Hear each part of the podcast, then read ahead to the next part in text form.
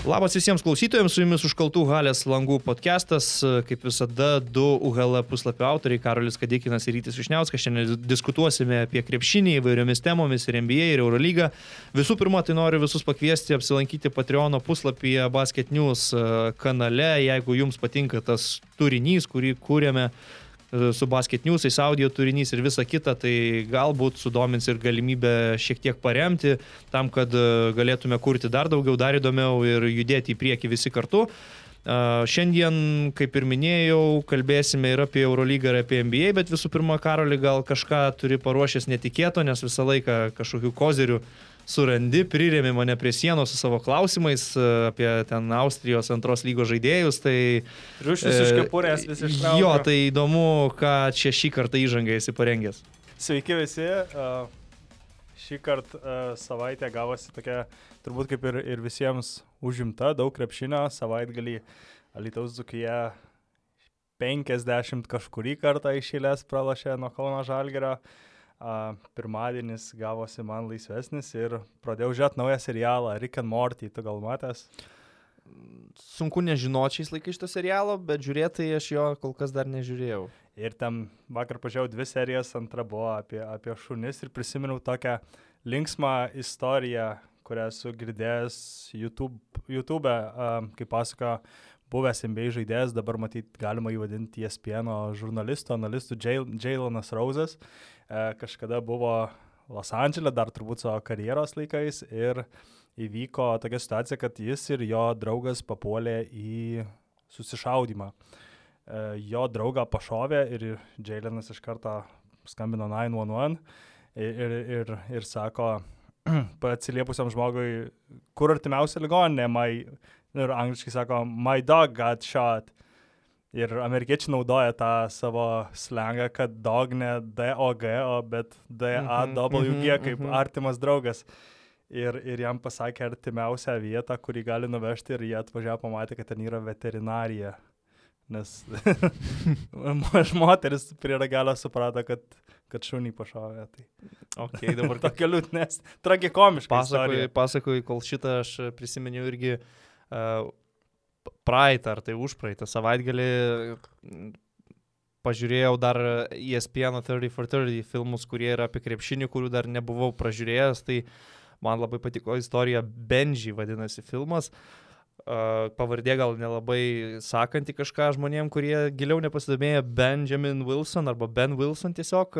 Jis buvo 80, taip, trečiais, ketvirtais metais uh, didžiausias Amerikoje krepšinio prospektas, tuo metu žaidė Čikagoje, high school'e, nu, mokykloje, jam buvo 17 metų, jis jau buvo sužaidęs e, tam stovykloje, kur ten suvažiuoja visi talentingiausi, geriausi. All American nu, McDonald's. Jo, ten, ir ten žaidė su juo toj stovykloje keletas po to labai geras karjeras turėjęs MBA žaidėjų, tik pavardžių neatsiminsiu, Rodas Striklandas ir ten panašus. Ir jisai ten atrodė geriausiai. Ir žmogus, kuris Michaelą Jordaną draftino, ten e, pasakė, kad e, čia yra žaidėjas, kuris gali būti net geresnis už MJ. Nu, žodžiu, ten ir Čikagoje aplinky ten kosminis hypas buvo. Uh, jis jau Čikagoje jau buvo žvaigždė, nes pirmą kartą di, uh, laimėjo ten tą valstijos titulą su, su mhm. savo mokykla, pirmą kartą tos mokyklos istorijoje. Valstiečių e, state champion. Jo, jo, jo. Ir, ir, ir ten nu, jau, jau buvo pop, pop žvaigždė, žodžiu, Čikagoje, būdamas dar vis mokykloje ir, žodžiu, jį 17 metų nušovė. Ir e, tuo met, pagal tuometinius įstatymus e, turėjo vežti, turi vežti, nu, sakykime, pašautą žmogų į artimiausią ligoninę, artimiausią skyrių, nepriklausomai nuo to, ar ten yra chirurgijos skyrius ar ne. Tai jį vežė į artimiausią ligoninę, kurioje nebuvo chirurgo ir jį operuot pradėjo ten tik gal po šešių valandų ar kažkas tai mhm. tokio ir jau buvo per vėlų, nu, žodžiu, jis mirė, nors po to konstatuota buvo, kad tikrai galima buvo išgelbėti laiku operuojant ir ten visa Čikaga gėdėjo, ten jo laidotuvės transliavo tiesiogiai, nu, žodžiu, ten kosmosas buvo ir esmė, kad ta jo mirtis daug dalykų labai pakeitė. Vienas iš tų dalykų tai būtent įstatymas tas e, dėl ligoninės, kur greitoji turi vežti pašautą žmogų ir panašiai. Tai tokia įdomi istorija. Benji vadinasi filmas. Aš dar irgi tada trumpai papasakosiu, irgi kaip tik dabar atsiminiau, čia gal visą podcastą nekalbėsim. Ne, ne, čia įžangėlė lengva tiesiog. Kažkokias, kažkokias istorijas, bet irgi prisimenu, dabar tik nepasakysiu tiksliai žaidėjo pavardės, bet irgi buvo kažkoks perspektyvus amerikietis. E, važiuodavo į tas visas prestižinės stovyklas ir vienoje vasaros stovykloje po treniruotės užsidėjo um, ledą ant kelių ir su tuo, keliu, ir su tuo ledu ant kelių užmygo. Ir mhm. gal atsikėlė po 2-3 valandų ir, ir e, tas ledas taip stipriai jį, turbūt galima sakyti, traumavo, atimė e, šuolį, greitį, visas tas fizinės savybės e, ir, ir jo turbūt karjera nesusiklostė taip, kaip galėjo susiklostyti. Nu, turbūt garsiausia istorija, apie kurią irgi yra labai geras, beje, to paties ESPN filmas. Jeigu nematėt, pasižiūrėkite, tai yra Leno Baeso, kuris jau buvo ir padraftintas antrų šaukimo 86 metais ir taip pat jam naujojo Jordano etiketė jau buvo priklijuota, bet jis e, po to, kai buvo padraftintas, e, truputėlį perdozavo švesdamas ir, ir, ir, ir viešbutyje, žodžiu, užgeso jo, jo gyvybę. E, tai tiek gal apie filmus, apie tas liūdnesnės tokias istorijas. Keliaukime prie šių dienų aktualijų ir norėtųsi pradėti podcastą nuo NBA reikalų ir konkrečiai kalbėsim daugiausiai apie vieną žaidėją turbūt. Uh, tiesiog apie Eurocapą, jei kas pasigėsi, tai šį kartą nusprendėm nekalbėti, nes dabar yra ilga pertrauka iki gruodžio 10 dienos. Kai... Ir įvyko, neįvyko nieko. Jo, ir nieko labai svarbaus neįvyko. Tai, turėjo, Jeigu rytas būtų laimėjęs prieš Partizaną, tikriausiai paskirtume kažkiek minučių aptarti dabartinę situaciją, realiai įvyko tai, ko visi daug maž tikėjosi. Ir pakalbėsime tai... gal gruodžio tą savaitę, kai jo, kai, kai jau vyks rungtynės, jau tada 8. pakalbėsime apie Eurocapą, o šiandien tą dalį, įprastai pirmąją dalį mūsų podcast'o padengsime su NBA diskusijomis ir norisi pakalbėti vis tik apie Luką Dončičių. Praėjusį savaitgalį, tai yra NBA sekmadienis, tas europinis laikas buvo paskirtas Teksaso derbiui. Houston Rockets namie žaidė su uh, Dallas Mavericks, e, naratyvas, aišku, rungtynių per tą prizmę, kad tai yra Jamesas Hardenas prieš Luką Dončičių, žmogus, kuris bando susigražinti MVP titulą prieš jauną žaidėją, kuris kyla iki MVP e, ir kyla labai sparčiai ir Mavericks tas rungtynės laimėjo, Dončičius Hardeną pranoko, Dončičius pelnė 41 tašką, 10 rezultatyvių perdavimų, e, tikrai geras pataikymas, 15 metimų už 29, daug e, labai skirtingų variantų, kaip jis e, baudė Rocketsų gynybą.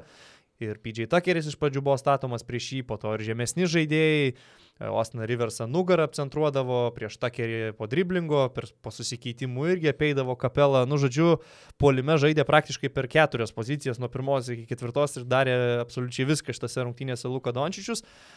Aišku, šiam sezone tai nieko neįprasto. Jis tai daro beveik kiekvieną naktį ir klausimas tau būtų gal toks e, e, dabartiniai skaičiai, kuriuos Dončičius renka, tai yra beveik trigubo dublio vidurkis. E, mes visi, turbūt bent jau mes dviese esantys šitam kambarį, galvojom ir tikėjomės, kad NBA jam nebus problemų prisitaikyti ir žaisti gerai ir žaisti dar geriau nei Eurolygoje, vertinant statistiką, bet ar tu tikėjai, kad jau antram sezonė, būdamas 20 metys, jis bus MVP diskusijoje, nes realiai dabar jis ten yra šalia Hardeno, Lebrono ir Antetokumpo. Jo, dabar Dončičius yra, tikrinau, bookmakerių prognozijas, tai yra trečias po Janio ir Hardeno gauti MVP apdovanojimą. Aš nemanau, kad jisai gaus MVP. Uh, Galbūt šiais metais, e, kaip dažnai būna MVP apdovanojimuose ir, ir rinkimuose, ten reikalingas ir tas tam tikras naratyvas tą sezoną, nes, tarkim, Vesbrukas gavo MVP, kai vidurkino trigubą dublį pirmam sezonė, kai tik išėjo Durantas ir ten visą sezoną ir vyko tas pasakojimas, kaip be Duranto vienas tempė komandą. Nors Oklahoma liko gal septinta. Jo, pergalių skaičius, man atrodo, buvo 47 tą sezoną. Ir tada Vesbrukas dar du sezonus lygiai tą patį darė, su trigubų vidurkiu, tai trigubų dublių vidurkiu, bet niekas apie jį rimtai net ir nekalbėjo. Tai, tai tik parodo, kad e, tuose balsavimuose reikalingas ne tik uh, ne, ne tik statistika reikalinga, bet ir tam tikras naratyvas sekantis su tuo, kuo, aišku, užsieima žiniasklaida. Aš nemanau, kad Dončičius laimės, prieš jį gali atsisukti nežinau, keli faktoriai gali balsuotojai, tarkim, labiau už jį balsuoti gal labiausiai patobulėjusio rinkimuose ir prieš jį gal net gali ir atsisukti jo tas jaunas amžius, nes maždaug dar ateis tavo eilė, palauk 2-3 metus ir galbūt tada tu tapsi MVP, bet uh, ar kad jis bus diskusijoje, gal ne tokioje rimtoje, bet, na, kažkiek tikėjausi, gal bus, kad būtų ten top, top 5, top 7 E, žaidėjas tuose rinkimuose. Aš visada nebejau jo galimybėmis žaisti ir dominuoti NBA lygoje, bet nesitikėjau, kad e, jau antram sezone taip šoks jo skaičiai į viršų. Ir tai nėra kažkokia sufabrikuota statistika, jis renka šitus skaičius su labai geru pataikymo procentu į žaidimo, ypač dvitaškių pataikymas e, solidus. Visi jo rodikliai taiklumo yra geresni nei pernai, kai pernai jis mažiau mesdavo, bet e, prašiau pataikydavo, rinkdavo po 21 tašką per, per, per rungtynės. Asistai, atkovoti kamuoliai, čia irgi viskas e, aišku, dabar jo ir komandos draugai yra pajėgesni nei buvo praeitam sezone. Jis pats taip jokavo, kad e, šį sezoną mums truputį lengviau gintis, nes nebėra Novickio. čia juokais pasakė, bet realiai tai taip ir yra. tai um, man apskritai ta, ta Dalaso komanda, e, aš kol kas dviejas tik rungtynės jų mačiau pilnai, tai vienas iš jų buvo būtent su Rockets. Uh, jas ir komentuoti teko, tai labai smagiai atrodo ir Dončičius tikrai veda juos į atkrintamasis varžybas ir su tokia forma, su tokiu žaidimu mes galime kalbėti ne šiaip patekimą atkrintamasis, bet galbūt net ketvirtą ar idealiu atveju vos net trečią sydą. Nu, aš sakyčiau, Los Andželo dvi komandos turbūt yra geresnės, bet su kitom gali konkuruoti, ypač dabar, kai Rockets prasitraumavę ir turi, nu, iš esmės septynių žaidėjų rotaciją, su kuo yra sudėtinga ir dabar Rockets e, pralaimėjo tris kartus iš eilės. Šiaip sunku pagalvoti, kad dar pernai, ne praėjusią sezoną, bet dar pernai žaidė Eurolygoje, Eurolygos finalo ketvirtą, praėjusią gegužę ir galėjome matyti į čia, buvo ir Žalgerio arenoje, ten sumetė 28, gal 30 taškų ir, ir labai gerai atrodė, bet sunku patikėti, kad tokio lygio žaidėjas dar ką tik, ką tik galėjom jį matyti Eurolygos arenose. Bet kas man nepatiko, tas jos kėsčiojimas po kiekvieno tokio kvestionuotinos e, švilpuko, jis dažnai, tarkim, jam, jeigu jam kažkas nepati, ne, nepavykdavo polime, rodydavo, kad kitoj pusėje teisėjai jūs tą patį švilpėt prieš Hardiną ir buvo tikrai tokių keistų švilpukų prieš, prieš Hardiną ir, ir jiems susidūrus akis į akį, kai Dončičius atrodo prie šoninės linijos stovėjo, visiškai nieko nedarė, Hardinas jį. Jo, ten labai, į, labai jokinga buvo pražanga. Sušvilpė baudą, bet Visa kita atrodo tikrai labai gerai. Ir dar dėl statistikos aš nemačiau daug jų rungtynių, bet aš labai heitinau, kai, kai tiek Hardinas, tiek Westbrookas dirbdavo ant tos statistikos. Ir aš nesakau, kad Dončičius tą patį daro, bet tie jo trigubi dubliai irgi tokie atrodo. 11 asistų, 10 reboundų, lygiai maždaug tiek, kiek ir užtenka, tai galbūt jis ten kalbas ir su agentu, kad čia vat, reikia patekti į istoriją, dar kažką, galbūt ir ne, aš sakau, aš, aš nemačiau tų rungtynių, bet man atrodo, buvo vienas prieš,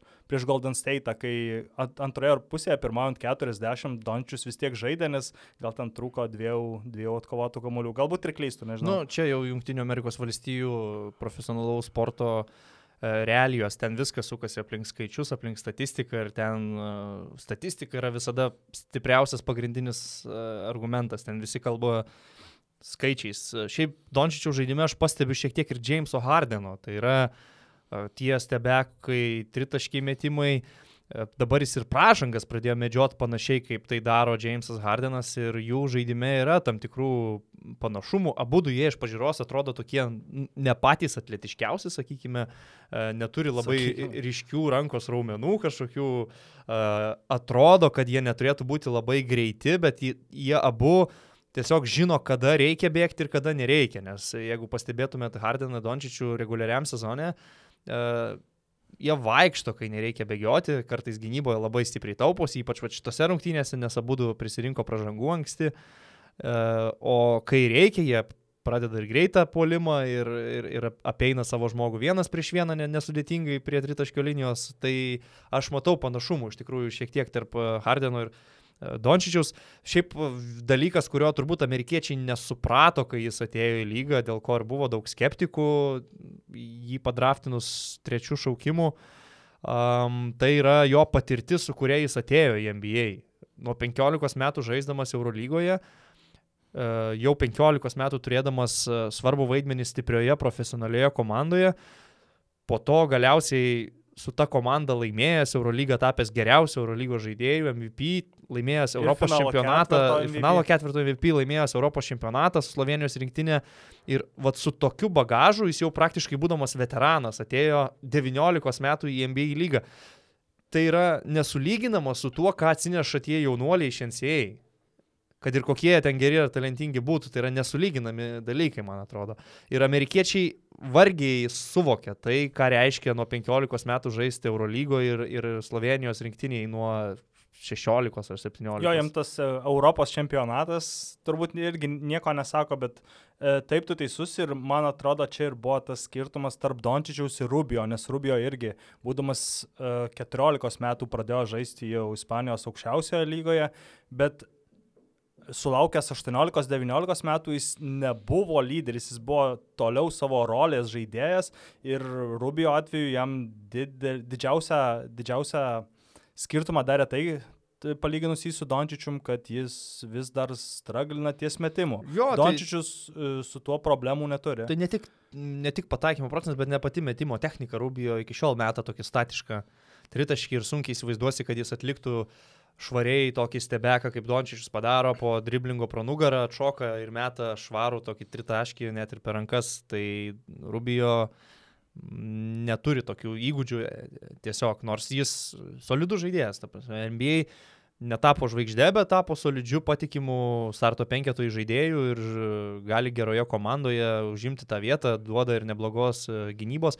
Įdomu, aišku, bus pamatyti uh, kiek e, geras bus Dončičius atkrintamosiose varžybose, kur jau laukia visai kita gynyba, visai e, kitoks varžovų pasiruošimas rungtynėms, atsiranda taktiniai trenerių sprendimai. Įdomu, kiek jis geras bus toje aplinkoje, kad jis gali rinkti šitos skaičius reguliariajame sezone. Aš visada galvojau, kad taip ir yra ir taip bus, nes NBA lengviau rinkti statistiką nei Eurolygoje. Bet atkrintamosiose vis tiek yra visai kita istorija. Dabar, pavyzdžiui, atsiprašau, e, patikrinimas laukia jo neblogas artimiausias rungtynės su Clippers komanda, kur, na, prieš jį gali būti pastatytas, tarkim, Kawhi. Kawhi Leonardas ir pasižiūrėsim, kaip jam seksis ten. Kol kas šį sezoną pačios prašiausios jo rungtynės buvo 12.5 rezultatyvus perdimai, 4 atkovoti kamuoliai žaidžiant e, su Denveriu, kai jis tikrai gan prastai pataikė. Bet visuose kituose mačuose Dončičius surenka daugiau nei 20 taškų, būdamas arti 30 ir, kaip minėjau, išlaiko labai gerą pataikymo procentą. Tai yra uh, 49,5 procento iš žaidimo, tritaškiai beveik 35 procentai. Skaičiai, uh, kaip sakant, nemeluoja šiuo, šiuo atveju. Iš NBA lygos nežinau, ką dar norėtum aptarti, gal...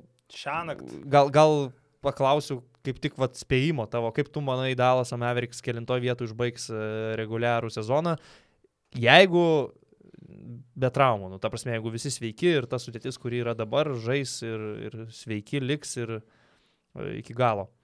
Dabar yra sužaidę komandos apie 20 procentų reguliariojo sezono. O Panašu, kad Lakeriai yra nusi, nusibrėžę savo tikslą būti, jeigu ne pirmoje vietoje, tai vis tiek labai aukštai ir turėti kuo, kuo ilgiau playoffuose tą uh, namų aikštės pranašumą. Clipperiai turbūt irgi bus viršuje. Denveris praėjusiais metais praleido tik tai Golden State, pas jūsų, e, jų sudėtis ne per daug pasikeitė. Bet Kol kas jokičiaus, jokičiaus kūno string, sudėtis jo, gal pasikeitė. Mytyba. Um, man atrodo, kad Dalsas gal yra per daug priklausomas nuo Dončičiaus ir jeigu Dončičiui vis tiek bus ir prastų rungtynių ir, ir galbūt jis tada savo komandą nusineša paskui save, nes buvo šiuo metu, kai mes įrašinėjame, čia yra antradienio rytas, Dalsas turi 11 pergalių, 5 pralaimėjimus ir 2 iš tų pralaimėjimų buvo namuose ir išvyko į nuo Niksų.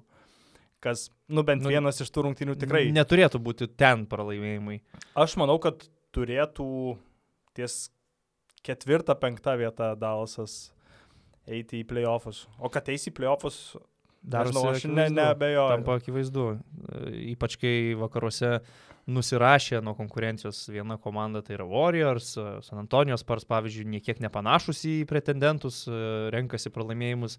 Portlandas Vieną po irgi. kito Portlandas kenčia dėl, dėl traumų, nors dabar blikstelėjo Carmelo Anthony, pagaliau pavyko iškovoti pergalę, bet iš tikrųjų dabar dėkinga gan situacija, aš tai e, spėčiau, taip durčiau į penktą vietą, e, galvodamas, kad vis dėlto Houstono Rockets, e, kai traumų situacija pasitaisys, e, surenks kažkokį stipresnį spurtą, pergalių seriją ir e, aš galvoju, kad jie turėtų būti treti po dviejų Los Andželo klubų ir ketvirtoje vietoje galvoju vis tiek užlips Denverio Nuggets, turėdami jau tą susižaidusi brandolį ir galbūt e, Nikola e, Jokičius, nežinau, ar, ar kilogramų numes, ar, ar kvepuot geriau pradės aikštelėje. Jis gal perims e, pavyzdį iš praėjusių sezono Dreymondo Grino, kuris irgi a, atrodė kurį laiką prastai, bet vėliau ėmėsi tinkamai maitintis, tinkamai sportuoti ir buvo Nu, labai geroje formoje playoffuose. Nežinau, ar Jokičius prisivers tinkamai maitintis savo ten serbiškais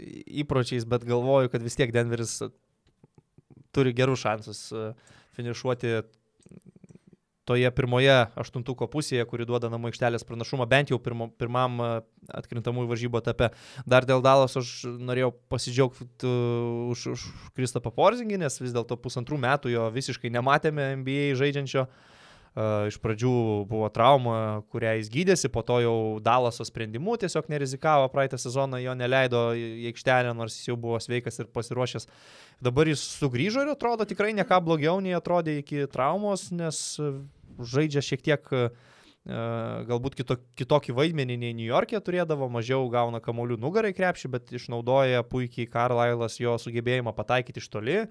E, pakankamai nemažai ir polime atkovotų kamolių ir tie patys blokai, kuriais Latvijas pasižymi labai gerai, man jis žiūrisi šalia Dončičių šitoj komandai ir, ir prie jų dar prisideda Timas Hardaway'us, jaunesnysis e, toks e, metikas, e, skoreris, truputį neprognozuojamas, bet gerą vakarą galintis tau duoti, kad ir 30 taškų. E, Tai visai atrodo gerai subalansuota komanda, pridėjus dar ir visus tuos atsarginius, pagalbinius žaidėjus, gaunančius galbūt mažiau minučių, bet savo įnešančius ten, Maxi Kleberas, tarkim.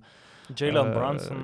Bransonas dabar, kai visi sveiki, kažkiek mažiau gauna laiko, bet yra ten tas e, Delonte Raitas, atsarginis, pakankamai neblogas žaidėjas. Ir Se, kal... setas Kari kartais gali iššauti, nu, žodžiu, visai neblogai subalansuota 90 žaidėjų rotacija. Kalbant apie Porzingį, įdomu, ar jisai prisitaikys prie šios savo rolės, nes jeigu jis būtų likęs New York'e, tai jis būtų buvęs tas žaidėjas ir jis būtų turėjęs iš esmės savo franšizę, jis čia atėjo ir visą laiką bus Lukos šešėlyje, panašu, kad... Nu, jis bus ant, antras žmogus. taip, tai dab- įdomu, ar jisai prie to pristaikys ir ar jam tai tinka, Pan, panašu kol kas, kad taip. Kol kas atrodo taip. Aš manau, kad jeigu jis būtų likęs Niksuose, mes kalbėtume apie ten 27 taškų ir 12 atkovotų kamolių žaidėją, dabar mes kalbam apie 18 taškų žaidėją, kuris yra antras komandoje pagal, e, pagal polimo rodiklius, bet bent jau kol kas netrodo, kad e, jiem yra problemų. E, Man turbūt kaip ir ne, ne, ne vienam fanui krepšinio gerbėjai Europoje malonu stebėti tokį projektą, kuris yra lipdamas aplink du jaunus europiečius, gerus žaidėjus, kuriuos matėme ir, ir, ir Lietuvoje žaidžiančius su Lietuvos komandomis. Tai čia kažkiek Tai- primena, prieš 15 metų buvusį Dalso projektą, kai Novickis su Nešu žaidė. Kažkiek irgi, aišku, mm. Nešas nėra europietis, bet tas internacionalinis prieskonis, tarptautinis komandos uh, žaidimas nebūtinai savo, tie komandai, kamulio judėjimas kažkiek primena tai. O kalbant dar apie NBA, šią naktį žaidė Valančiūnas prieš Sabonį. Mhm. Kažkiek, kažkiek matei to? Ne, žinok, vakar sunku, kad diena buvo, tai nuėjau anksčiau nei man įprasta miegoti, tai NBA tik tai atsikėlęs iš ryto prasiskrolinau rezultatus, mačiau ten visą tą statistiką, kad abu lietuviai rinko po, po dvigubą dublį, bet tiesą pasakius, man šį sezoną e, Pacers ir Grizzlies nėra labai įdomios komandos. Nežiūrint į tai, kad žaidžia lietuviai juose, e, galbūt Pacers kažkiek įdomesni, nes rytuose jie šį bei tą gali nuveikti, bet Grizzlies man nuoširdžiai visiškai nėra ta komanda, kurios rezultatą aš skubu pasitikrinti, ar ten rungtynės labai noriu pažiūrėti. Tai e, NBA ir, ir amerikiečiai daugiausiai žiūri Memphį vien dėl to, kad jie turi Žemorant, turbūt Mhm. e, vieną geriausių pikų, galimai net ir tapsinti metų naujokų, jeigu žiūrint, kaip Zajonas atsigavęs po traumos atrodys. Uh, man kiek teko žiūrėti, tai tik pažiūrėjau abiejų lietuvių highlightus. Uh, Valančiūną dažniau dengia Miles Turner, uh, o, o Saboniui žaidžiant polime uh, labai dažnai, kaip atrodo, kaip per Lietuvos rinktinės treniruotės, tiesiog and popindavo, uh, atmesdavo Saboniui ir, ir jis iš vidutinio rinkdavo taškus. O ja, ir dar buvo linksmas epizodas, kai Valančiūnas nusėmė jau kamolį ir tada bandė meistriškai taip pro petį atiduoti į komandos draugui ir, ir atidavė Domantui Saboniui tą kamolį ir Sabonis pelnė lengvus du taškus. Mhm. Nu, man, pavyzdžiui, Sabonio žaidimas, kiek šį sezoną mačiau, patinka. Uh, patinka, kaip jis atrodo po to naujo kontrakto. Uh, duoda dvigubą dublį komandai, protingus sprendimus aikštelėje, e, tikrai patinka Valančiūno, labai mažai, tik, tru, Sorry. tik trupinius mačiau šį sezoną kol kas, tai nelabai turiu ką pasakyti, bet kaip ir minėjau, Grizzlis bent jau šį sezoną man neįtin įdomus, tai turbūt e, tikėtina, kad nedaug aš juos ir būsiu matęs. Uh, tai va, apie NBA galbūt tiek. Dar tik norėjau pažymėti, kad, atsiprašau, uh, šią naktį Filadelfija uh, pralaimėjo rungtynės ir Embidas per 32 minutės pelnė 0 taškų, kas man atrodo nu, neįtikėtina. Nu čia jo, čia jo. Ir mes kalbame apie reguliarų sezoną. Taip, taip, būna, tai... kad ten su 8, su 6 baigė superstaras, bet su 0 per 32 minutės, dėl, ne dėl traumos, ne dėl kažko, bet... Jam atrodo, kad Toronte žaisti šiaip gal kažkoks kompleksas išsivystė po praėjusio. Blogi prisiminimai. nu, nežinau, gal tikrai kažkoks psichologinis faktorius grįžus į tą nesėkmingą areną. Uh, pažymėta Kawhi Leonardo pergalingų metimų, kamolių šokinėjančių ant lanko. Bet mane, pavyzdžiui, tai stebino, kad Raptors tikrai gerai ir gan lengvai renkasi tas savo pergalės ir jie, nu, nesakau, kad gins čempionų titulą realiai, bet rytų konferencijoje atrodo, nu, pakankamai kon konkurencingi šiuo metu ir Paskalis Jekamas uh, perėmė tą komandą, perėmė franšizės uh, veido vaidmenį iš, iš Kawhi Leonardo pabuvusio tik vieną sezoną Toronte ir nu, tikrai viskas ten atrodo solidžiai tvarkingai. Fredas Van Vlytas dabar jau irgi žengęs dar vieną žingsnį į priekį nuo pagalbinio žaidėjo iki to, kuris jau yra vos ne pagrindinis komandoje.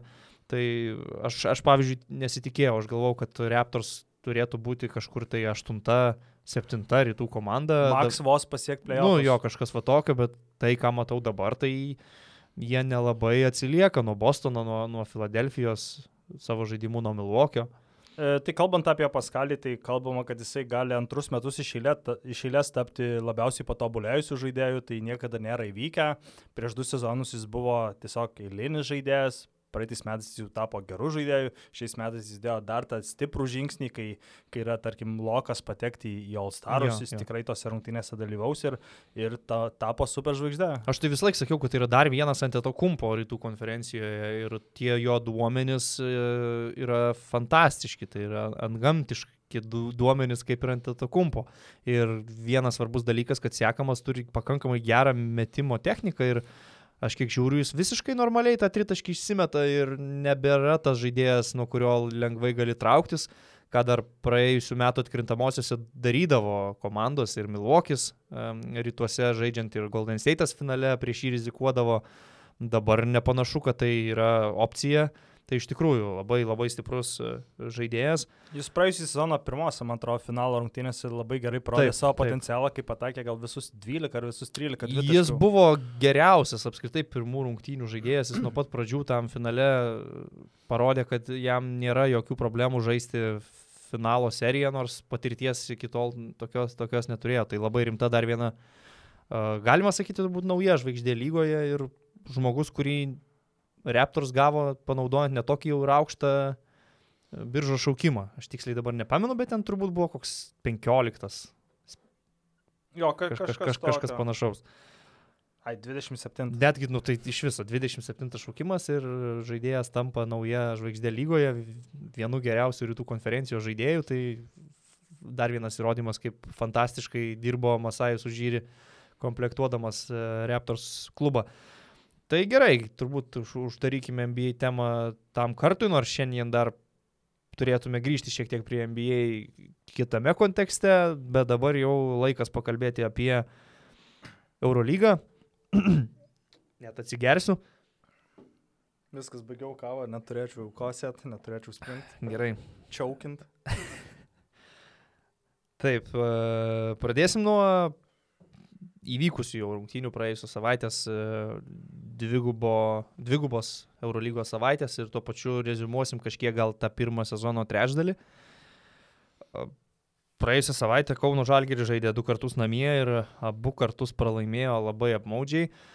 Na, su Atenų Panaikos galima sakyti, kad nelabai kvėpėjo tą pergalę ir tik pasisekė, kad buvo kažkoks šansas išsigelbėti. Milaknis bandė pramesti baudą tyčia, nepavyko jam, nuo lentos kamuolys įkrito į krepšį ir Pavo laimėjo vienu tašku, bet iš esmės Panaikos tose rungtynėse viską kontroliavo. Ilgiau pirmavo, turėjo ir plus 16 taškų ir Žalgeris kombekino, artinosi, bandė, bet nepavyko, tačiau ten reikia pripažinti, kad Panatinaikos buvo geresni ir stabilesni visų rungtynių metu, jie turėjo Nika Kalatėsą, kuris pataikė penkis tritaškius, netikrinau, ar tai jo karjeros rekordas, bet tikrai vienas geriausių jo karjeros pasirodymų prie tritaškio linijos, tai faktas. Mm, kitos rungtynės, kuriuose Žalgris net ir žaisdamas e, prastokai ir pataikydamas labai prastai vis tiek turėjo laimėti. Jie pralaimėjo Zvezdai dviem taškais ir man tai yra nesuprantama. Zvezda realiai nustojo žaisti trečio kelnio prieš paskutinę minutę, jie nustojo daryti normales atakas.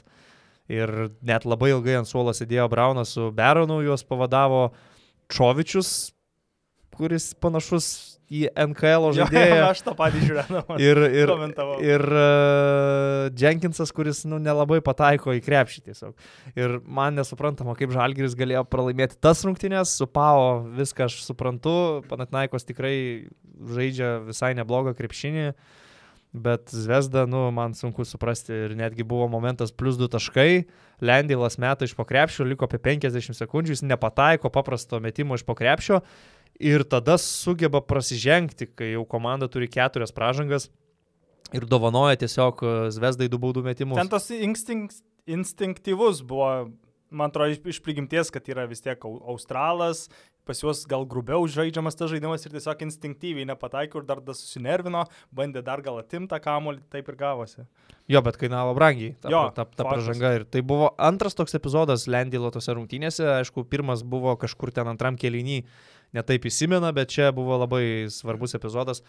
Ir Žalgiris labai daug nepataikė, atrodytų laisvų paruoštų metimų. Grigonis, Lekavičius, tas pats Lendylas, e, įmesk bent porą ir turbūt Zvezda neturėtų jokių šansų. Rungtynės baigėsi rezultatu 61-59. Tai tokie skaičiai, kuriuos retokai pamatysi šio laikinėje Eurolygoje, bet uh, taip jau išėjo ir du pralaimėjimai Žalgirio per tą savaitę, kaip pats įvertintum ne tiek gal rezultatą, kiek žaidimą, kas tavo nuomonė buvo negerai tose abiejose rungtynėse, kurios aišku labai skirtingos. Kaip ir pats sakėjai, puolimas labai strigo su Zvezda, Žalgeris per paskutinės 3 minutės ir 55 sekundės pelnė 2 taškus.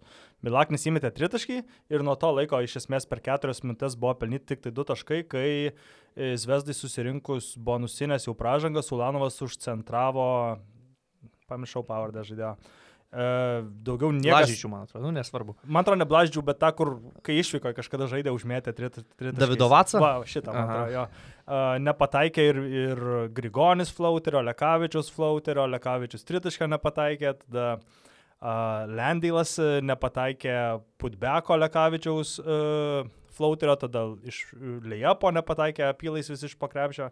Uh, Tiesiog tie pramesti metimai, jau jeigu net Grigonis prameta baudą pirmą iš, iš, iš to, matyt, nežinau, susijaudinimo, ar tiesiog visai komandai buvo bloga diena.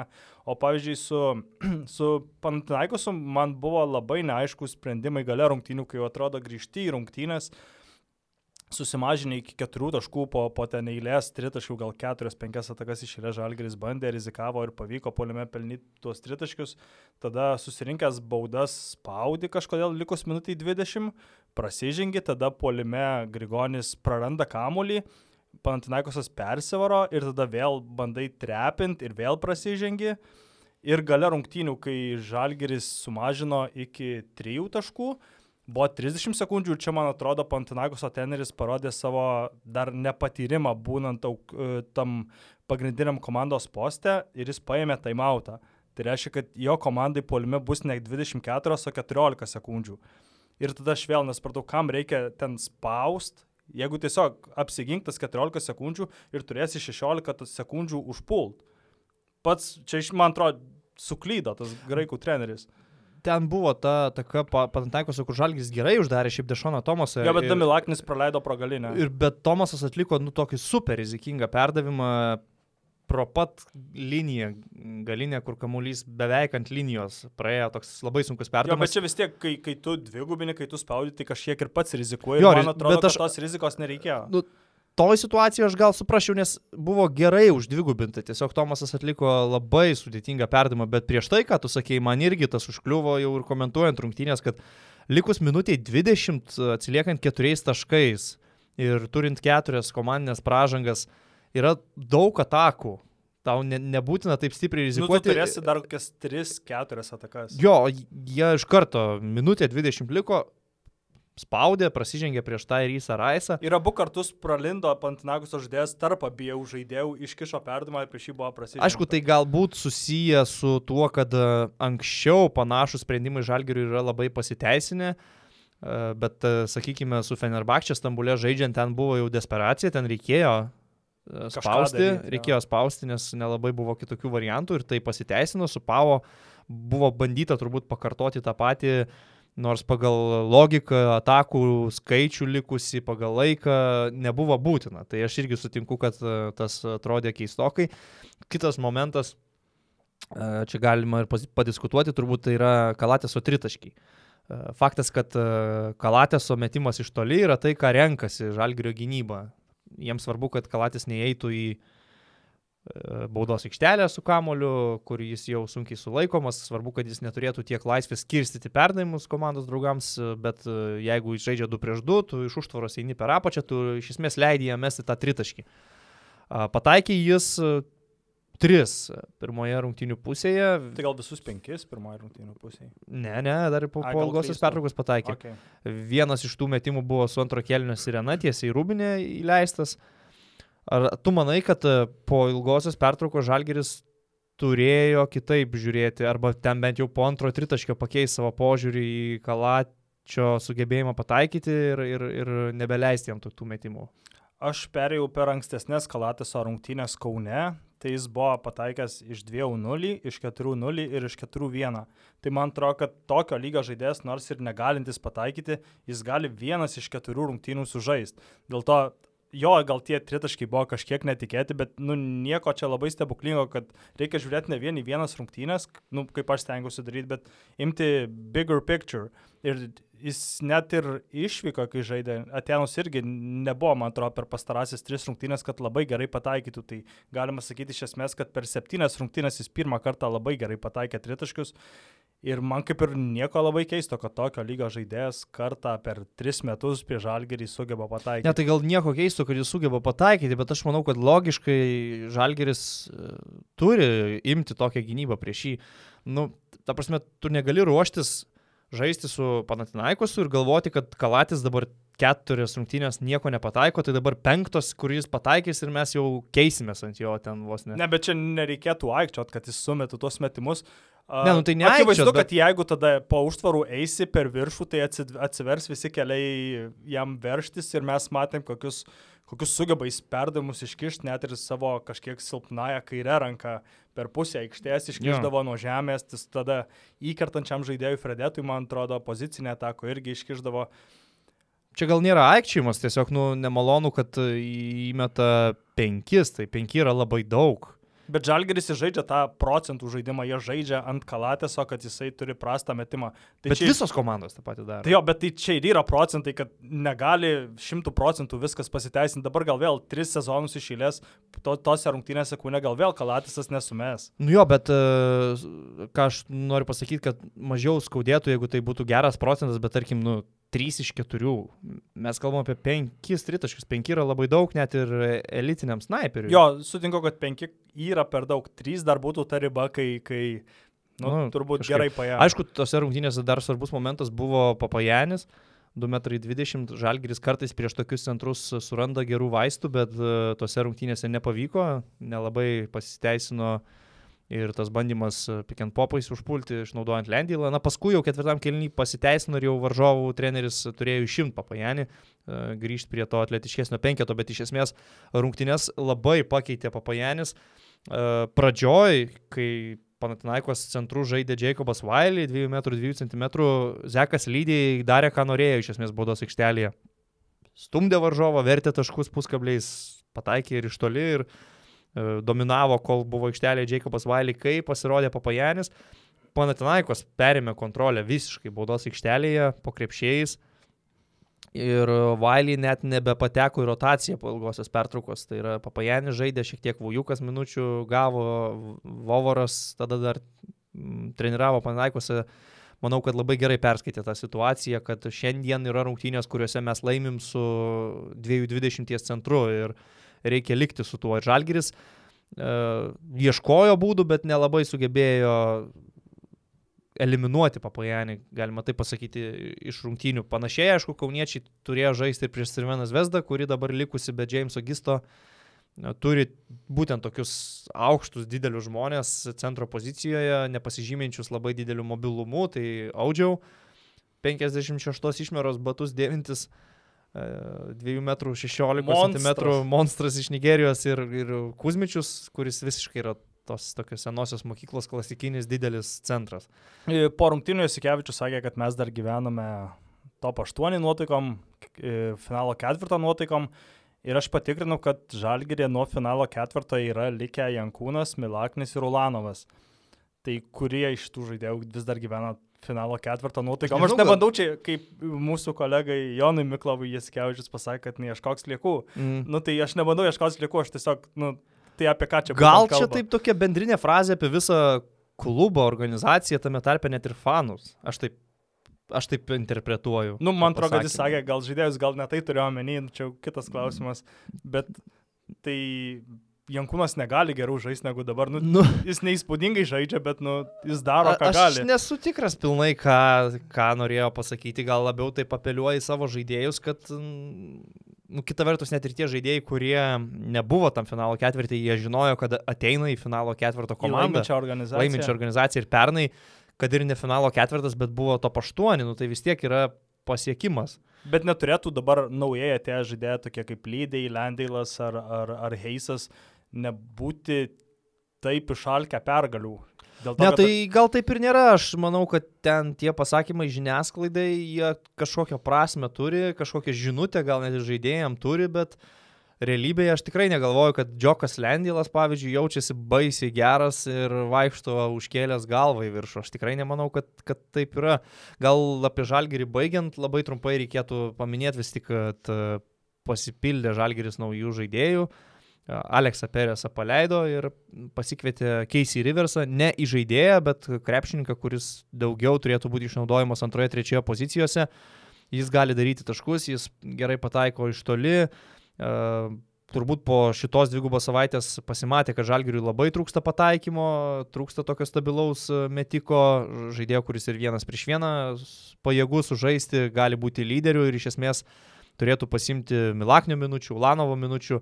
Aš manau, kad, kad ir trūksta žaidėjo, bet Žalgiriui, koks jis atrodo pastaruoju metu, bet koks aukštesnio lygio Eurolygos žaidėjas yra pastiprinimas. Ir Casey Riversą aš matau kaip tikrai potencialų polimo lyderį, jis turėtų duoti Žalgiriui porą papildomų tritaškių per kiekvienas rungtynės, 9 ar 10 taškų, kažkur taip 9-12 taškų vidurkį, gerą pataikymo procentą. Nemanau, kad jis jau taip stipriai nusileido, kad visiškai nebegali žaisti šitame lygyje. Metai dar netie tikrai, pakankamai dar turėtų būti parako statinėje. Tai yra Eurolygos čempionas, žaidęs labai gerose komandose, Realė, Himki, Panatinaikos. Aš dar norėjau trumpai pažymėti, čia gal ne visai susijęs su krepšiniu, bet prieš Pantinaikos rungtynės Žalgeris šventė vaikų dieną ir, ir tam komandos pristatymė ir visame šventime dalyvavo Jasikevičiaus vaikai. Jo. Ir man čia taip toks dalykas atrodo, kur aš galvoju, tokie bairiai vyksta tik tai Lietuvos futbolo federacijoje, kur atvažiavus ten Portugalija ar Anglijai, ten koks nors LFF prezidentas įkiša savo vaiką, kad eitų su Ronaldu į aikštę. Ir man čia atrodė taip žiauriai, neskaniai, nes... Nu, ką aš žinau, man tai nežinau, man tai viskas čia normaliai, aš nemanau, kad ten šaras juos kišo, tai tiesiog... Aš, ne, aš, aš nežinau, bet man atrodo taip tiesiog neskaniai, nes tiek kamon, yra Lietuvoje tų vaikų turbūt daugybė, o, Jasikevičiaus vaikai, pavyzdžiui, tuos Panatinaikos žaidėjus, tokius kaip Kalatisas, turbūt ir per atostogas susitinka ir jiems čia tikrai nėra toks didelis įvykis. Nu, man tiesiog atrodė, kad... Am, aš tai kažkiek, kažkaip ne, ne, ne, nesureikšminu, man tai visai gal... Tai čia nesusiję, aišku, su krepšiniu. Jo, jo, man, tokia detalė, kuri man krito jo. Man visiškai neužkliuvo, bet čia kiekvienas savo, gali turėti savo nuomonę, viskas su to yra ok. Daugiau iš Eurolygos tos dvigubos savaitės, ką reikėtų būtinai pasakyti, tai yra šešios rungtynės įvyko tarp Ispanijos ir Rusijos komandų ir visas šešias laimėjo Ispanijos klubai. Rusai keliavo po Ispaniją, taip reikėtų sakyti. Himki komanda visų pirma nusibaudė Madride, po to nuvyko į Valenciją, pralaimėjo dar ir ten. CSK važiavo į Vitoriją, pralaimėjo, nors galėjo laimėtas rungtynės, tada su Realu žaidė lab, mačą, kuris buvo bent jau man labai gražus. E, CSK pataikė ne 13 tritaškių iš 25, bet net su tokiu tritaškių pataikymu neturėjo realių šansų laimėti, tai pralaimėjo ir Vitorijoje, ir Madride. Zenitas pralaimėjo taip pat Vitorijoje ir Valencijoje. Ir va taip va, šešios ispanų pergalės prieš Rusijos VTB. komandas, prieš nu, VTB ar, ar Rusijos komandas, kaip, kaip čia be pavadinsi. Uh, Realas CSK, man labai patiko tos rungtynės ir apskritai, ką Realas padarė per praėjusią savaitę, jau panašu į tą dominuojančią komandą, kuriai reguliarus sezonas yra per lengvas iššūkis tiesiog. Mm, įspūdingas polimas, beveik šimto taškų vidurkis per tas dviejas rungtynės, savo indėlį duoda visi, sakykime, Gabrielis Dekas, kaip atrodė fantastiškai trečioj pozicijoje prieš e, Kurbanovo, jau nekalbant kaip Hilliardą lengvai apdaužydavo nugarą į krepšį. Uh, nežaidė ten Jeffrey Tayloras, sakykime, kas net nepasijautė niekiek. Ir Sergio Julas, ir Fakundo Kampaco atrodė, ypač Kampaco, tai tiesiog dieviškai žaisdamas su CSK. Realas, priminsiu, yra pralaimėjęs šį sezoną, tarkim, Kauno Žalgiriui, Žalgirio arenoje ir šiaip pradžioje atrodė labai taip dar neįsibėgėjęs, bet po šitų dviejų rungtynių man nekyla jokių net abejonių. Aš prieš sezoną spėjau, kad jie laimės reguliarių sezoną ir aš dabar tuo esu tikrai įsitikinęs. Realas vienu metu turėjo trijų pralaimėjimų seriją, pralašė Žalgiriui, Nadalui ir Bayernui, bet tikrai tas jų polimas atrodė nu neįtikėtinas. Pavyzdžiui, prieš Himki per tris kelnius sumetė 92 taškus, ketvirtam net iš esmės nereikėjo žaisti. Ir tai, kad jie gali pataikyti iš esmės visi išskyrus Tavares, ar kaip pats sakei, net ir toks žodės kaip Dekas, kuris galbūt jeigu atsirastų laisvų agentų rinkoje, nesusilauktų galbūt labai didelio dėmesio. Dabar jau gal ir susilauktų. Dabar jau susilauktų, bet turiu omeny, prieš šį sezoną galbūt nesusil... nebūtų susilaukęs kažkokio didelio dėmesio, bet vis tiek į tą iš Algiro paimant tą pavyzdį į realo sistemą labai gerai įsilieja ir prieš juos išvyko žaisti nu, turėtų būti visiškas košmaras ir, ir čia tikrai nieko keisto, kad e, Himki ir CSK buvo pervažiuoti tuo visišku volu, o galim tada pereiti prie CSK ir pralaimėjimų, tokios jau kaip ir trumpos serijos, du kartus iš mhm. eilės pralaimėta. Uh, su Kirolbet Baskonija ten gale irgi viskas sprendėsi, galėjo CSK laimėti, gale pirmavo, bet uh, jeigu neklistu, Baskonija pelnė paskutinius 12 taškų, ten Šengelėje, man atrodo, nemačiau pats tų rungtynių, bet uh, kiek, kiek va, teko domėtis, tai... Jo, aš žiūrėjau, žiūrėjau kaip tik ketvirtą kėlinį ir trečią pabaigą, tai realiai uh, Maiko Jameso desperacijos šį kartą neišgelbėjo CSK. Tai yra tais sunkiais momentais, kai reikėjo taškų, atakos užsibaigdavo dažniausiai jo tokiais sudėtingais ar bent jau pusiau laisvais metimais, kurių jis visiškai, visiškai nepataikė. Ir vis labiau man jaučiasi, kaip trūksta jiems Vilo Klaiburno ir, ir tikrai šį sezoną, ką aš matau Eurolygoje, kas man beje labai patinka, treneriai tų geriausių komandų labai moka išnaudoti ūgį trečioje pozicijoje ir kai kurie žaidėjai uh, per pastarosius metus daugiau žaisdavę galbūt sunkiais kraštais, dabar tampa trečiais numeriais. Tai yra ir, ir, ir klaveras, ir, Kurbanovas ir Gabrielis Dekas ir Jeffas Brooksas, Armanio amerikietis. Ir tas ūgis trečioji pozicijoje tampa labai svarbu šį sezoną, bent jau aš, aš tai pastebiu ir CSK, kai prarado Klaiburną, būtent tai ir prarado. Žaidžia Hillardas, kuris neblogai pradėjo sezoną, dabar atrodo labai blankiai. Ir, nu, turbūt Dmitrijui Tudžio komanda susiduria su tokia realybė, kad po tiek permainų čempioniškoje sudėtyje jie net ir ant popieriaus atrodo, nu, tokia šešta, septinta komanda ir jokių būdų ne antra ar tai trečia. Ta patį sakė ir Vatutinas e, viename iš interviu, kad e, dėja, bet jau praėjo tie laikai, kai buvo CSK ta čempioniška komanda, nors jie praėjusią sezoną laimėjo Eurolygą, bet e, taip stipriai pasikeitė jų sudėtis, kad ir, ir, ir Klaiburnui gavus traumą, dabar turim tokį rezultatą, kad per paskutinę šešias rungtynės CSK pralaimėjo net keturis kartus ir šią savaitę dar žaidžia išvyko su Barcelona kur irgi, nu, mm. tikrai tikėtinas pralaimėjimas ir nežinau, ar jie ieškos ten kokioje G lygoje pastiprinimo, ar gal greitų metų atsilaisvins kai kurie žaidėjai ten gal iš kokių stiprių Eurocapo komandų. Uh, įdomu, ką jie darys, bet aš nesakyčiau, kad jie gali patekti į, į, į finalo ketvirtą. Aš, jeigu reiktų rinktis, tarkim, tarp FS Pilzeno, Anadolo FS, mhm. um, Armani ir CSK, aš imčiau tikrai Anadolu ir tada vat, svarstyčiau ar Armani ar CSK. Mm, nu jo, aš irgi turbūt panašiai, aš manau, kad jie yra top 8 komanda, bet ne finalo ketvirto pagal tai, kaip atrodo dabar. Jiems gal teigiamas dalykas yra Janio Strelniko e, žaidimas. Bet jis jau žaidžia virš savo ribų. Pastaruoju metu. Nu, kaip, kaip sakyti, virš savo ribų, jis gali daryti tuos taškus. Aš nesitikiu, kad jis dabar visada rinks stabiliai ten po 15 ar 20 pataikydamas 3.60 procentų tikslumu, bet tai jau yra svari pagalba Maikui Jamesui perimetre. E, Latvijas pradžioje sezono pirmose keliose rungtynėse labai mažai žaisdavo ir iš vis buvo menkai pastebimas, tai dabar iššovė labai iššovė, kai jie laimėjo prieš Fenerį, bet ir per šitą dvigubą savaitę, nepaisant to, kad buvo pralaimėta, jis ir su Baskonija, ir su Realu žaidė pakankamai neblogas uh, rungtynės. Kosta Kufas vis labiau integruojamas, kaip sakant, į komandą. Foitmanas vat, su Realu prišaudė metimų. Yra tų žaidėjų, kurie vat, atskirose rungtynėse gali sužaisti labai naudingai. Uh, E, bet e, vienas pirkinys tai man vis dar atrodo, kad e, neaišku, kaip jis atsidūrė SSK komandoje. Tai būt, jo, Ronas Bakeris. Jis išėjo rungtynėse su Realu, dengti Kerolo, pirmoje atakoje atrodė, kad nesupranta, kas yra Kerolas. Vieną praleido nuo jo tritaškį, kitą kartą tiesiog prasižengė ant pirmo žingsnio, pats polime porą kartų bandė atakuoti, nepataikė, jau galvojau, kad tikrai jo minutės baigės, bet Itudis dar ir antroji pusėje kažkodėl pabandė jį įleisti. Man tai visiškai nesuprantama, ką, ką tas žaidėjas daro CSK klube ir šiaip Eurolygoje. Aš iš to, ką matau, man nepanašu, kad jis Eurolygos prastesnėje komandoje būtų žaidėjas pakeliantis tos komandos lygį.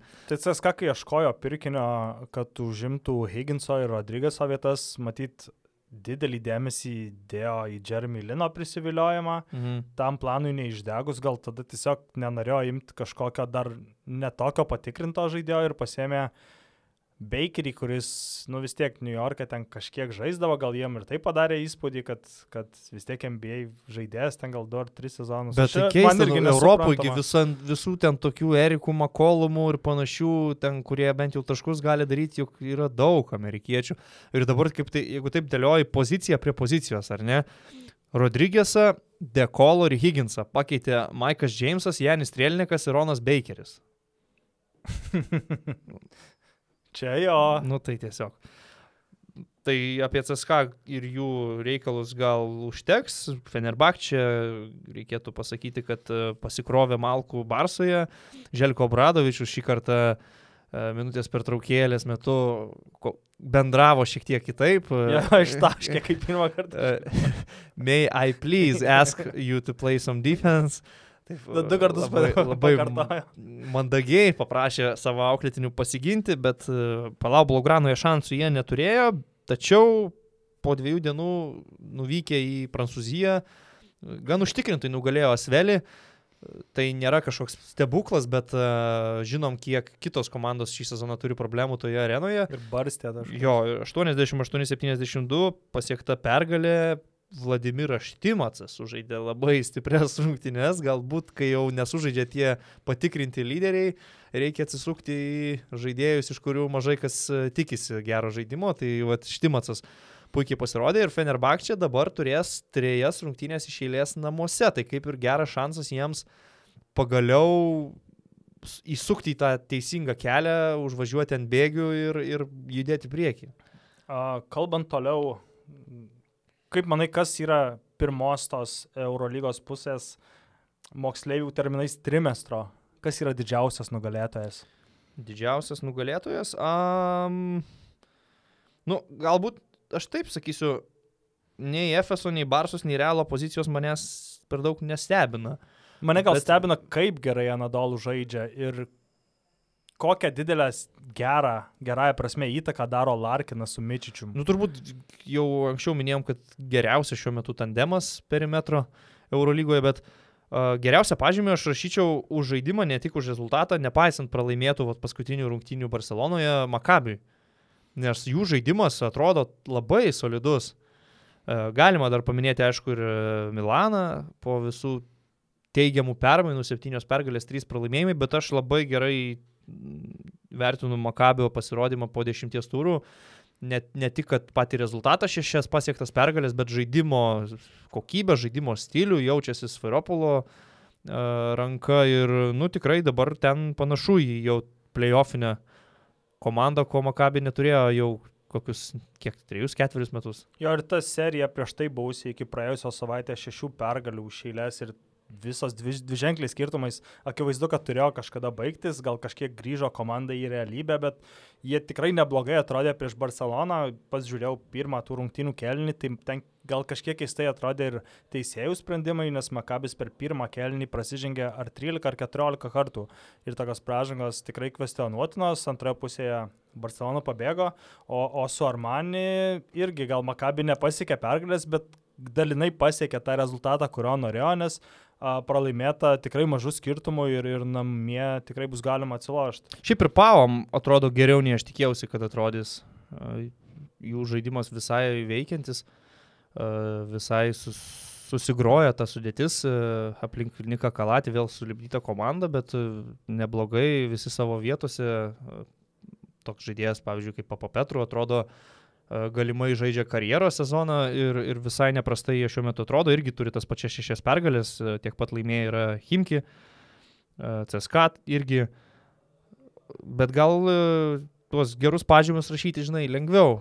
Pažiūrėkim, kam reikėtų parašyti neigiamų pažymių. Ką pats galvoji? Gal kas, kas, kas tau didžiausi nusivylimai po to? Gal neimam Fenerbakčias, nes čia toks labai akivaizdus jo, okay, ir, ir ten mes okay. dar iki galo gal nežinom tos situacijos vykstančios klube. Uh, A, didžiausias nusivylimas, hmm, turbūt yra kol kas žalgeris, nes tos trys pergalės, nors galėjo būti su, su tikrai nedaug, reikėjo, trūko labai nedaug, kad, kad tos pergalės trys būtų dvigubai daugiau, kad jų galėjo būti šešios, bet a, pats žaidimas kažkoks atrodo, nežinau, neįtikinantis net ir prieš tas silpnesnės komandas, dar reikia prisiminti, kad viena iš tų trijų pergalių buvo iškovota atlošų septynių taškų deficitą uh, Stambulė tai galėjo likti ir tos dvi pergalės.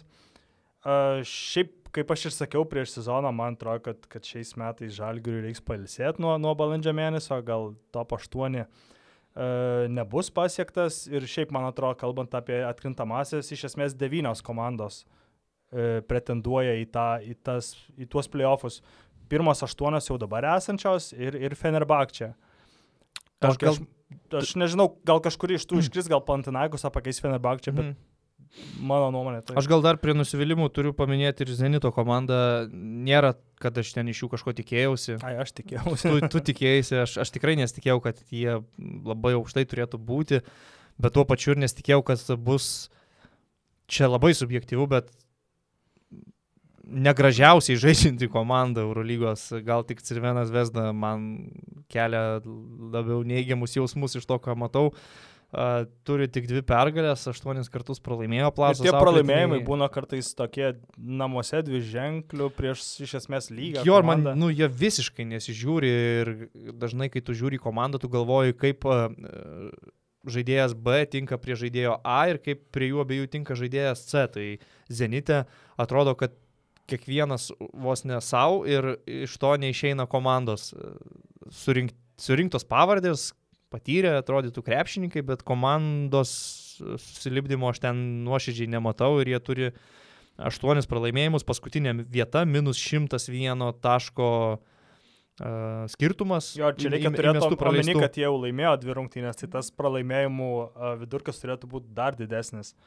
Jo, o, o šiaip uh, turbūt nėra labai daug nelogiškų kažkokių pozicijų ar sensacijų, išskyrus Fenerbakčias buvimą uh, 16 vietoje viršuje Barsa, Nadolų Realas. Kaip ir logiška pagal jų polimo talentą ir pagal žaidimą, kuris yra demonstruojamas, na, kad Barsa turi būti ten uh, jau buvo aišku vasara po tokios komplektacijos, aš nesuprasčiau, jeigu kalbėtume apie penktą ar tai šeštą vietą. Tai turi būti viena iš pirmų trijų pozicijų reguliariajame sezone. Vienu metu man Baskonė atrodė labai prastai ir aš galvojau netgi, kad Braška Perasovičiaus kėdė, bet dabar jie laimėjo porą rungtynių iš eilės ir turbūt kažkiek e, aistros ten nuramintos. Jie nugalėjo dvi Rusijos komandas, Zenitą ir CSK. E, šią savaitę be abejo laukia dar vienas Eurolygos turas. Žalgeris po savo namų rungtynių serijos jau važiuoja žaisti išvykoje, žais su Berlyno Alba.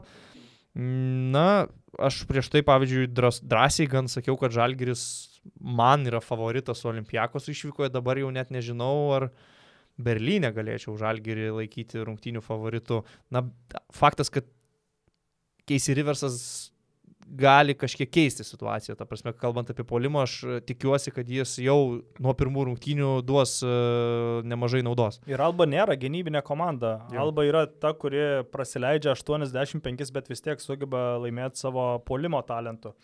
E, pažiūrėjau paskutinius tris sezonus, kai buvo įvesta ši, ši nauja, paskutinius keturis sezonus, kai buvo įvesta šita nauja. Naujas formatas Eurolygos, tai tik viena komanda su trim pergalėm po pirmų dešimt rungtynių yra patekusi į playoffus. Tai padarė praėjusį sezoną Baskonija. Šį sezoną tai gali padaryti Fenerbakčia ir dar kiekvienai komandai liko sužaisti septynias rungtynės, kad būtų sužaidus kiekviena prieš kiekvieną. Tai tiesiog, kad pirmas turas būtų pasibaigęs, tai trumpai peržvelgiau artimiausias rungtynės, tai sunkiausias tvarkaraštis laukia CSK, Olimpijakoso, Baskonijos, Asvelio ir Panatinaikoso, o lengviausias Alba, Armanis, Vesda ir Valencija. Ir šią savaitę aš išskirčiau dviejas rungtynės kaip labai vertas dėmesio, tai Fenerbakčia su Himki e, ir Barsas su CSK, man atrodo, tokios pačios įdomiausias, nes kit, kitose arenose, na aišku, bus intrigų, bus įdomių rungtynių, bet e, etiketės netokios e, prabangios, na galbūt Panatinaikos su Baskonija galime tikėtis gero krepšinio ir geros kovos. Tai va, Eurolygos turas prasideda ketvirtadienį ir Kauno Žalgiris šį kartą žaidžia ketvirtadienį, o mes dar šiek tiek laiko turime, tai turbūt užbaigsime podcastą su rubrika In or Out, bet šį kartą turėsime tik vieną, vieną teiginį ar klausimą, tai Karoli perdodu tau šią pareigą. A, tai pradedame savo rubriką In or Out ir NBA e, pasirodė pranešimai, kad rimtai pradedama svarstyti formato pakeitimas, e, įvairių, įvairių pakeitimų siūloma. Tai visa tai bus, kaip aš supratau, pateikta artimiausioje asamblėjoje ar ten susirinkime, nežinau, kaip būtent tai vadinosi, e, tariamasi su žaidėjų asociacija ir pirmas pakeitimas būtų tas, kad e, keturioms komandoms patekus į konferencijų finalus, kad e, nebūtinai tos pačios konferen konferencijos komandos žaistų su ta pačia konferencija, tiesiog pagal rezultatus reguliariojo, e, reguliar, reguliariojo sezono metu, e, pagal ten iškovotas pergalės būtų viskas perdėliojama ir kad nebūtų taip, kad pavyzdžiui prieš du metus vykęs NBA sezonas įsimena ne dėl savo finalo, o dėl savo vakarų konferencijos finalo, kur visiems įsimintina serija tarp, tarp Houstono ir Golden State vyko. Tai tu in ar out, kad uh, nebūtinai tos pačios konferencijos komandos žaistų e, galima pavadinti taip, e, NBA pusfinalyje. Aš žinau, kaut, aš e, labai pripratęs prie jų sistemos ir man jinai tinka ir man visai įdomu diskutuoti atskirai apie vakarus ir atskirai apie rytus. Ir nieko blogo aš nematau tame, kad e, vakarų konferencijos finalas išeina kartais įdomesnis už patį jau tą tikrąjį NBA finalą dėl, dėl žiedo. Aš tikrai out, aš in esu dėl vieno dalyko, kad mažinti reguliariojo sezono rungtynių Tai skaičių. čia atskiras darbus klausimas. E, Tai va dėl šito tikrai būčiau in, bet dėl formato tokių didesnių pokyčių esu labiau out, nors e, tai e, va, tas projektas toks skamba logiškai ir galbūt teisingai, kažkiek teisingumo įneša, kad tikrai dvi stipriausios komandos žaidžia jau finalą, o ne, o ne ta, kuri tiesiog yra lengvesniai konferencijai prieš tą, kuri nugalėjo kitą labai stiprią komandą vakaruose, bet e, sakau, aš labai įpratęs, man patinka kalbėti apie vakarus ir rytus kaip vos ne apie atskiras lygas ir e, nenorėčiau tokių pasikeitimų. Aš tai visų pirma manau, kad tai nebus priimta, nes uh, vis tiek balsuos ar GM, ar savininkai komandų ir man atrodo, kad rytų konferencijos komandos griežtai pasisakys prieš, nes tikėtina, kad uh, tolimoje perspektyvoje, nes istoriškai žiūrint, tiesiog vakarų konferencija yra geresnė, ten yra turtingesni uh, klubai, daugiau verslo į ten sukišta, didesni pinigai, tai man atrodo, kad did- ilgesnėje perspektyvoje rytų komanda tiesiog prarastų savo komandą NBA finale, tai ne, nematau, kodėl jie turėtų balsuoti už tai. Aš esu in, man atrodo, aš norėčiau matyti dvi geriausias komandas žaidžiant NBA superfinale, bet aš pasigestu to paaiškinimo, kodėl būtent nuo konferencijos finalo, kodėl, pavyzdžiui, negali daryti tada nuo, nuo antro rato, nuo pirmo rato, kodėl nepradedama tai anksčiau. Aš suprantu, kad gal čia yra tiesiog tas mažas žingsnis link, link to ir jeigu čia bus priimta, tai gal tada ankstinsim, jau nuo antro rato padarysim, tada gal ir visi playoffai vyks, e, neskaičiuojant konferencijų tiesiog, bet kas gali žaisti su bet kuo. Aš esu in ir norėčiau matyti tiesiog geriausias komandas susitinkant.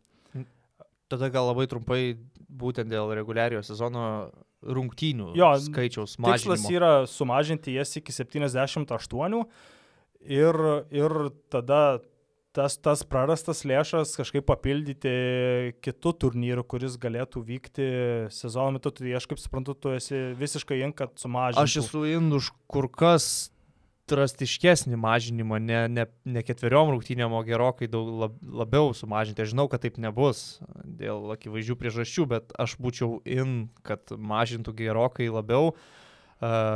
Kaip man atrodo, gan teisingai pakomentavo vienas mūsų skaitytojas po postų, gal ir apie Dončičių užkaltuose halės languose. Um, šitas tritaškių pasimėtymas nuėjo per toli vos ne kiekvienos rungtynės tampa kaip All-Star rungtynės be gynybos, lakstant į vieną į kitą pusę su 3 sekundžių trukmės atakomis ir beprotiškais tritaškių skaičiais, tai man atrodo, kad 82 rungtynių sezonas tiesiog leidžia tau žaisti taip, leidžia kartais rinktis, kuriuose rungtynėse tu ginsies, kuriuose nesiginsi.